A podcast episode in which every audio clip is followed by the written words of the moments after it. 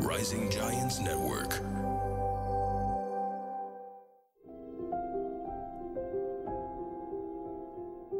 في 27 أغسطس عام 1964 جدة كيمبر قاعدة على طاولة المطبخ. المكان المفضل إلها مكان دافي وفي منظر خلاب من أعلى الجبل مطل على أشجار وخضار يعني منظر خلاب مش طبيعي. هذا المكان كان يعطيها الراحة النفسية إنها تكتب وتسترسل بقصصها. كانت شغلتها كاتبة لقصص أطفال وفي هالوقت كانت محتاجة تعمل خاتمة للقصة وهي غاطسة في الشغل يدخل عليها إدمين كيمبر ولد عمره 15 سنة بس ضخم. الولد طوله مترين وعظمه عريض مشعر ملامحه ملامح رجل بس بسن صغير ماسك بندقية صيد رايح يصيد عصافير وطيور وحيوانات وتصرخ عليه الجدة بكفي صيد وتصير مشاهدة كلامية وبدون مقدمات يطلق عليها طلقة قاتلة. ويسحبها ويدخلها إلى أحد الغرف. وينتظر الجد متى حيرجع. بكل هدوء وتصف السيارة.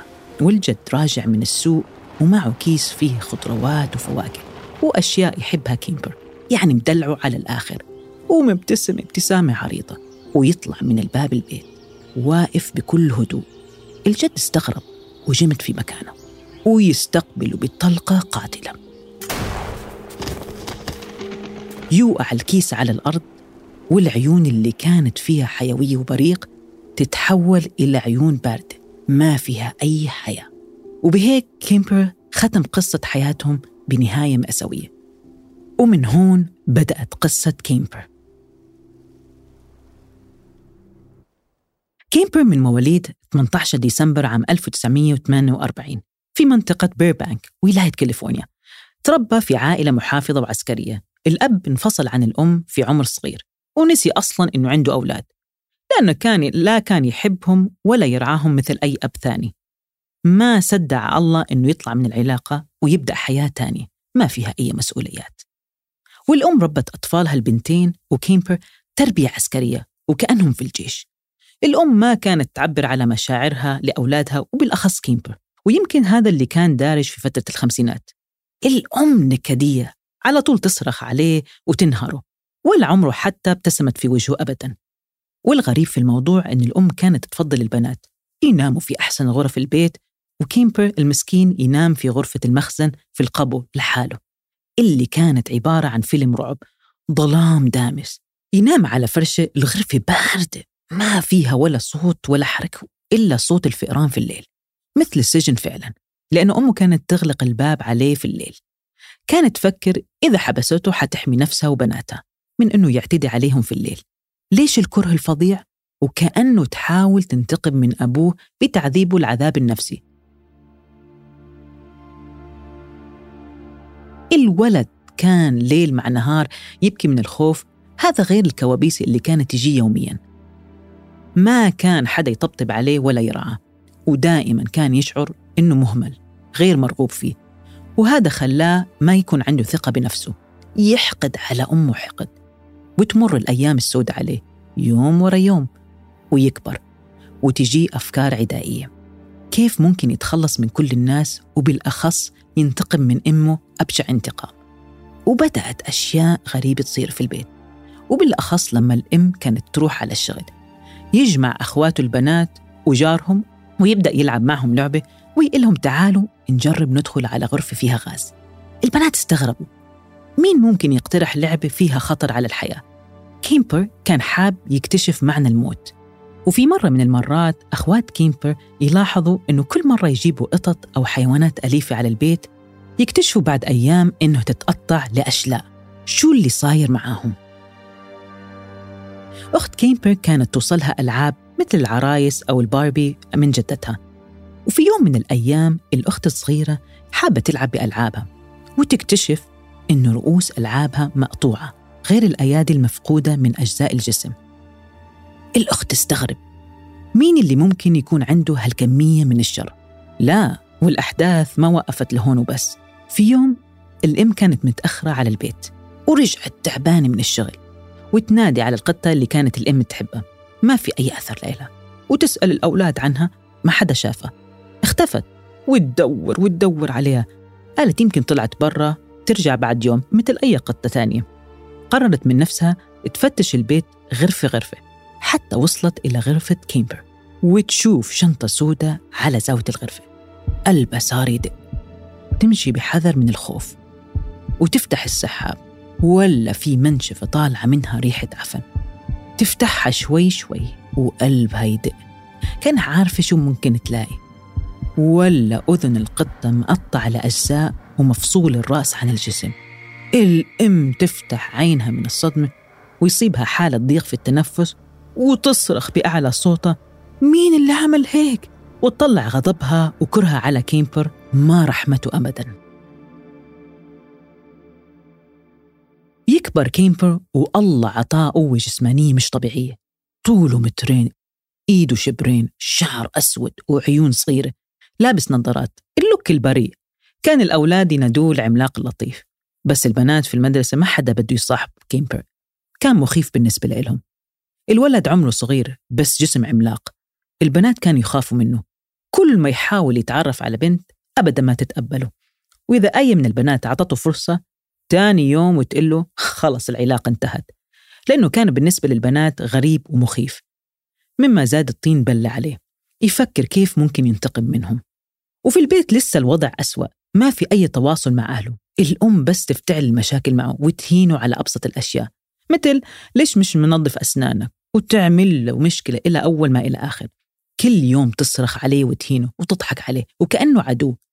لدرجة إنه يوم من الأيام اتصلت على الأب. وبدأت تتكلم على كيمبر وتضحك عليه وأعطته لقب العملاق الغبي.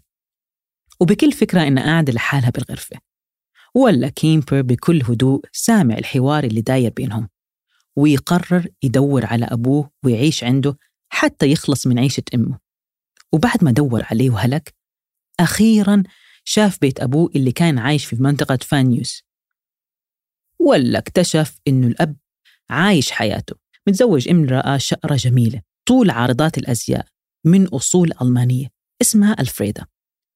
الولد ليل مع نهار يفكر فيها ما كانت تروح من باله. دائما كان يراقبها وين ما راحت بعيون الإعجاب. ألفريدا حست في شيء غريب مش طبيعي. الولد صغير صح بس جسم ضخم ممكن ينقض عليها في أي لحظة. كانت تخاف منه. لحتى في يوم من الأيام كانت تغير ثيابها ولا تحس إنه في عيون تراقبها؟ على طول عرفت إنه هذا كيمبر قاعد يراقبها. تاني يوم وتخبر الأب إنه يطرد من البيت. خلاص العيشة معه مستحيلة. مستحيل تسكن معه في نفس المكان. خلاص. الأب ياخذ كيمبر ويقنعه إنهم يزوروا بيت جدهم شوي ويركبوا في السيارة ويسوقوا لمسافات بعيدة. يطلعوا هضاب وجبال لحتى وصلوا على بيت شبه معزول عن العالم. محاط بالأشجار كأنه غابة لا في طرق ولا مواصلات ولا مكان للترفيه. الأب يحط ابنه وعلى طول يتركه في رعاية جده ويغادر لأنه الأب عارف أنه كيمبر مستحيل يقدر بنفسه يغادر من المكان المعزول. طبعا كيمبر حس أنه حتى أبوه ضحك عليه اللي كان معتمد عليه أنه ينقذه من جحيم الأم. رماه بده يخلص منه بأي طريقة. كيمبر يحقد على أبوه حقد وعلى العالم وعلى نفسه. وفي الفترة اللي كان عايش مع أجداده الجدة كمان كانت قاسية مثل أمه. لا راحت ولا إجت نفس الطبع. وفي تاريخ 27 أغسطس عام 1964 الجدة كانت كاتبة قصص أطفال. وكان عليها تخلص بعد التفاصيل. قاعدة على في المطبخ ويدخل عليها كيمبر ببندقية صيد. اللي جاب له إياها جده كهدية. على طول الجدة تصرخ عليه بأعلى صوتها وتعنفه في الكلام. كيمبر اختل في شي في عقله وينفجر ويلتفت ورا الجدة ويطلق عليها النار. وحتى يتأكد إنها ماتت يطعن فيها ويدخلها إلى أحد الغرف. وينتظر الجد حتى يوصل. ويطلع ويلاقي الجد جاي وفي إيده فواكه وخضروات. ومبتسم ويسلم عليه ويستقبله كيمبر بطلقة نار قاتلة بدون رحمة. ويفكر شو معقول يعمل. ويسلم نفسه إلى الشرطة. لما حاولوا يحققوا معاه ويعرفوا الدافع قال ببساطة إنه قرر يريحهم من الحياة. وقتل الجد عشان بس يعرف إنه زوجته ماتت ما يحزن عليها. غريب. ويلقوا القبض عليه ويسجنوه في إصلاحية بهدف إعادة تأهيله بعمر 15 سنة لمدة خمس سنوات في كاليفورنيا يوث أوثوريتي وفي فترة محكوميته يخضعوه إلى عدة اختبارات عن إذا كان عنده مرض نفسي أو يعاني من الهلوس أو أي شيء ولا اكتشفوا إنه مستوى ذكائه جدا عالي لدرجة أن المسؤولين حطوه رقيب على المجرمين وهو اللي يشرف على امتحاناتهم. ويقضي فترة محكوميته مع معتدين وقتلة وسفاحين. وتخيل معي طفل عمره 15 سنة يعاني من حالة نفسية محبط من أمه الوحش ويسجنوه مع أخطر المجرمين في أمريكا اللي كانوا أكبر منه سن. وتمر في الأيام في الأصلاحية وفي فترة إعادة التأهيل الأخصائيين النفسيين ينبهروا من التقدم الملحوظ. الولد مؤدب الولد مؤدب وذكي ولبق ويساعد السجناء والأخصائيين انبهروا منه ويكتبوا فيه تقرير إنه خلص هذا الشخص مهيأ للانخراط مرة تانية مع المجتمع. بس طبعا تحت الرقابة المبدئية. ويكتبوا ملاحظة مهمة إنه لازم لما يرجع ما يرجع تحت رعاية الأم أبدا بسبب العداء اللي بينهم وإنها هي السبب وراء الجريمة اللي ارتكبها. وتخيلوا معي إنه يرجع ويرجع بحضانة أمه وهون كانت الكارثة. كيمبر يطلع في عام 1969 ويلاقي العالم تغير. فترة السبعينات البنات صارت تطلع وتروح وتدخل جامعات. في حركة تحرر فظيعة. واللي لاحظه إنه البنات عندها الجرأة تركب مع رجال غريب يوصلها. كيمبر لقاها فرصة يوصل بنات بسيارته الصفراء الفورد اللي كانت ببابين. ويوقف للبنات بسيارته. يركبهم يتكلم معهم ويضحك معهم. في هالوقت كان في موال براسه. إنه يعرف كيف البنات بتفكر كيف ممكن يرتاحوا معه لأنه ولا مرة صحت له الفرصة إنه يصاحب بنت. ما عنده الثقة. لسه طالع من السجن بتهمة قتل. وأي بنت حتعرف ماضيه مستحيل تعطيه حتى فرصة. الكل حيخاف منه والطريقة الوحيدة إنه يتكلم مع البنات إنه ياخذهم من الجامعة بحجة توصيلهم. وفعلا هذا اللي صار وصل أكثر من 200 بنت بسيارته. ما عمل لهم أي شيء. بس كان يمارس مهارته بالكلام وفي إقناع البنات إنه يركبوا معه. وصار لبق. ومتمرس درجة أولى. أم كيمبر صارت تشتغل في جامعة UCSC وكل مرة يسألها آه، تعرفوا على بنت من البنات الحلوين. الرد على طول جاهز. مين حيتعرف على رجل مثلك؟ يعني أنت ما شايف شكلك وتبدأ في زف وتبدأ في إهانات. بعدين أقنعها إذا ما حتعرفين على البنات يعني على الأقل أدخل الجامعة ببطاقة دخول. وبعد محاولات وأخيرا يحصل عليها بعد طلوع الروح. الشرطة في صباح 7 مايو عام 1972 يوصلها بلاغ إنه أحد من الأولاد كان يمشي في أحد الجبال ولقى عظام جمجمة على طول الأولاد اتصلوا بالشرطة لأول مرة يوصل من مثل هذا البلاغ بمنطقة سانتا مونيكا. الشرطة ما كانت متدربة تتعامل مع هيك نوع من الجرائم لا في DNA ولا علم متقدم بس أخذوا الأسنان حتى يتعرفوا على الضحية. ويطلع التحليل الجنائي إنه العظام بتعود لبنت عمرها 19 سنة واسمها ميريام بيش وتدرس في جامعة فرنسو State. كانت مختفية مع صديقتها أنيتا لوكاشا اللي عثروا على أشلاء من جثتها في الشاطئ. الشرطة كانت تدور على أي دليل ويسألوا الناس في الشارع على أي خيط يربطهم بالقضية. وواحد قام وقال إنه البنتين شافهم مرة طالعين في سيارة مع رجل. الناس خافت وقالت أكيد حدا غريب قاعد يقترف هالجرائم ومتقصد هالمنطقة بالذات لأنه هالمنطقة كانت جميل وهادي وكان الناس كلها تقصدها. وتأكد الشرطة أنه اللي كانوا يتعاملوا معه هو مجرم عارف بتفاصيل المنطقة تماما. يعني الشخص منهم وفيهم. طبعا الخبر يوصل لكل الناس. الكل كان خايف على عمره. الناس ما إلها حديث إلا المجرم اللي كان يقتل بنات الجامعة بطريقة عشوائية. كيمبر أول بأول تجي الأخبار. على طول يجتمع مع الشرطة في البار اللي كان اسمه The Jury Room يتحدثوا عن الجرائم اللي صايرة وعن الأدلة اللي وجدوها. وكيمبر كان مشهور مشهور مع الشرطة. يحبوه. مرة يعزمهم على beer مرة هم يعزموه. الشخص متحدث وقريب من القلب. الناس يعني الناس كانت تحبه بدون أي جهد. وبعد فترة بسيطة في تاريخ 14 سبتمبر عام 1972 يوصل كمان اتصال إلى مركز الشرطة. بس هالمرة من أم أمريكية من أصول كورية تبكي على بنتها أيكو كو المفقودة. عمرها 15 سنة شعر أسود طويل وجسمها صغير وناعم وجهها طفولي. اختفت فجأة والشرطة استغربت وقالوا يمكن طلعت مع حد أو مع أصدقاء أو راحت آه، يعني ركبت مع حد وحيوصلها على مكان. قالت الأم أنا متأكدة إنه في شيء صاير لبنتي. في اليوم اللي اختفت فيه كان عندها حفلة استعراض كبيرة أمام جمهور غفير واللي ساعدهم في القضية إنه أعز صديقة كانت حتركب بالباص وشافت كو وسلمت عليها ومن بعيد كانت تأشر على حد يوصلها وسيارة صفرة وقفت واختفت من بعدها. وفي تاريخ 7 يناير عام 1973 سيدني شيل طالبة في جامعة كابريلو عمرها 18 سنة تختفي بدون أثر. الشرطة تنجن. ليش طلاب الجامعة؟ ما عارفين شو الحل. الشرطة بطلت قادرة تلحق على البلاغات عن الأجزاء الجثث المرمية. وفي 5 فبراير عام 1973 تختفي أليس هيلين عمرها 20 سنة. وروزالين هاثر اللي عمرها 23 سنة من جامعة UCSC. الشرطة تعبت من البحث عن المجرم. يشتغلوا ساعات طويلة في النهار يحذروا البنات ما يطلعوا مع حدا غريب. وبالليل يروحوا يطلعوا طاقتهم في البار. والشخص اللي كان يطبطب عليهم ويرسم الضحكة على وجوههم هو كيمبر. يقعد معاهم بالساعات ويحاول يساعدهم. والشرطة كانوا يحبوه ويحترموه. كان كيمبر يتأثر معاهم في القصص. كان يقول حرام اللي كان عايز عم بيصير مع البنات. والله حرام. ما بيستاهلوا هذا أبدا. في 20 أبريل عام 1973 كانت أم كيمبر اللي عمرها 53 سنة راجعة تعبانة من حفلة راجعة متأخر. شاربة ودايخة على الآخر بس بدها توصل على البيت وتنام. تدخل على البيت وفجأة يصحى كيمبر اللي كان مستنيها.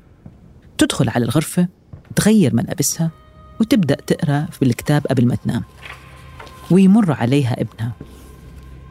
ويعطيها نظرة طويلة وبصمت مخيف. وكأنه في موال براسه وصراع داخلي وحوار مع نفسه بين الشر والخير المتبقي. هل أتخلص منها أو لا؟ الأم أول ما شافته على طول قالت أكيد جاي تتكلم معي طول الليل وتثرثر ويرد عليها بصوت هادي تصبحي على خير ويبتسم. الله يستر. وينتصر الشر اللي فيه وينطرها حتى نامت وعلى طول يهجم عليها ويضربها بشاكوش على رأسها.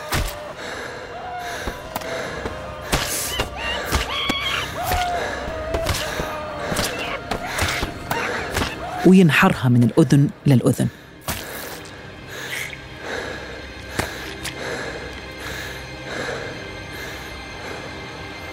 ويقطع على لسانه وأحباله الصوتية. ويحط راسها على الرف ويبدأ يصرخ بأعلى صوته ويسبها ويضحك ضحك هستيري بعد هيك.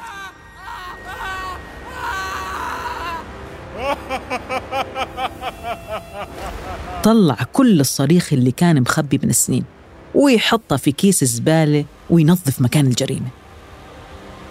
ويعزم صديقة أمه سالي على البيت ويقول تعالي نعمل لماما مفاجأة. وخطته كان إنه يقتلهم ويقول إنهم مسافرين مع بعض في إجازة ويدخلها ويخنقها بدون رحمة ويحطهم جوا الخزانة ويسكر عليهم ويركب سيارته وياخد أسلحته. ويسوق لمسافات طويلة لمدة 22 ساعة متواصلة حتى وصل على كولورادو. وقف السيارة في مكان معزول وصحراوي. نزل من السيارة أخذ نفس حط إيديه على ركبه وبعدين طلع راسه لفوق وأخذ نفس عميق واتصل من تليفون عمومي. كان يوم الثلاثاء الصبح على الساعة خمس الفجر. يتصل على مركز الشرطة وقال أنا قتلت أمي وصديقتها. في البداية الشرطة ما صدقوا الخبر قالوا له والله نحن ما فاضيين لهالمزاح وأنهوا المكالمة. ويرجع يتصل مرة تانية ويطلب يتكلم مع المحقق ميكي إلوفي اللي كان يعرفه من زمان. ويعترف. الشرطة أخذوا طيارة ووصلوا على المكان وقبضوا على كيمبر. ورجعوا على المكان لحتى يعاينوا مكان الجريمة. قعدوا يتلفتوا في البيت ودخلوا من الشباك. أول ما دخلوا ويشموا ريحة ريحة تعفن قوية. يدخلوا على الغرف شوي شوي ويعاينوا الغرفة غرفة. يدخل على غرفة الأم ويفتحوا الخزانة. وينصدموا من المنظر اللي كان عبارة عن كابوس رعب على أرض الواقع. أجزاء الجسم مقطوعة ومشوهة. الدم في كل مكان. الشرطة اللي دخلت وشالت الجثث عاشوا في حالة رعب لا تنسى. ولا يلاقوا رسالة اعتراف بتقول أنا مش فوضوي بس ما كان عندي وقت.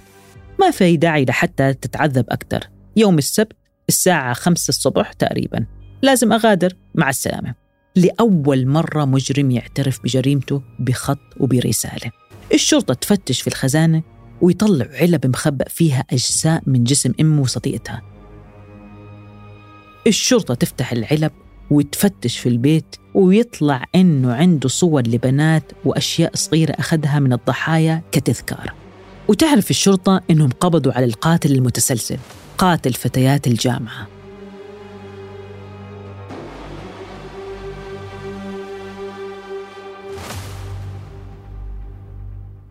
يعترف كيمبر إن السبب الرئيسي للقتل خلاص انتهى. ما قادر يتحمل أكثر من هيك. وكان على وشك الانهيار ويعترف على جرائمه للشرطي مايكي اللي كانت تمارس بشكل عشوائي. كان كله في داعي الانتقام من الأم والحالة النفسية اللي كان عايشها. الكل مش مصدق إنه هذا الرجل المهذب والذكي ممكن يكون مجرم وبالأخص إنه كان على علاقة مع الشرطة. كيف؟ وكامبر يدل الشرطة على أماكن اللي دفن فيها جثث اللي حيرت الشرطة لسنين ويعترف إنه قتله كان عشوائي مما صعب المهمة على رجال الشرطة. الضحايا في بعض منهم دفنهم في حديقة البيت خلى الرأس في مكان وأجزاء الجسم في مكان آخر. الشرطة مستحيل إنها ممكن تربط هذا الرجل المتحدث اللبق المثقف إنه يطلع منه كل هالجرائم البشعة. ما مصدقين كيف؟ لما كان يتكلم عن ضحاياه وكيف كان اقترف الجريمة بشكل عادي بدون أي ندم أو أسى وكأنهم مش بشر مجرد شيء. خطته أنه يوقف لبنات الجامعة ويأخذهم بالسيارة إلى مكان جبلي نائي ويقطع رؤوسهم وأيديهم مثل ما كان يعمل بألعاب أخته والقطط. كان يعطيه شعور بالقوة والحماس وإنه هو المتحكم بحياته وفي بعض الأحيان يأكل من جثثهم. وتشهد أخت كيمبر ضده في المحكمة في على الوقائع اللي كانت تصير لدرجة إنه لما كانوا يكتشفوا الجثث مقطعة الأيدي والرأس الأخت شكت في الموضوع وسألته مرة من المرات هل ممكن يكون لك علاقة في الجرائم؟ كان يقول معقول طبعا لا لما تم القبض عليه الناس والشرطة تفاجأت كيف ممكن الرجل مثقف وذكي متحدث يطلع منه كل هذا وليش؟ كان عنده أوجه مخيفة وبعد عدة مقابلات مسجلة مع أخصائيين نفسيين يحاولوا يفسروا سبب القتل والتحول في الشخصية والعنف ضد النساء. هل كانت بسبب نشأته وأمه اللي دمرته نفسياً أو هو فعلاً أصلاً مجرم؟ ويستنتجوا أنه كل الجرائم كانت بدافع حبه للتملك وماضيه غير الحالة النفسية اللي كانت تولد الأفكار الشيطانية اللي خلته ما يقدر يسيطر عليها أبدا. ويحكموا عليه بالمؤبد بدون احتمالية الخروج أبدا لقتله ثمان نساء. وكانت قضيته قضية كيمبر من أشهر القضايا اللي ساعدت الشرطة على فهم طريقة تفكير المجرمين المتسلسلين. وبهيك تنتهي قضيتنا لليوم.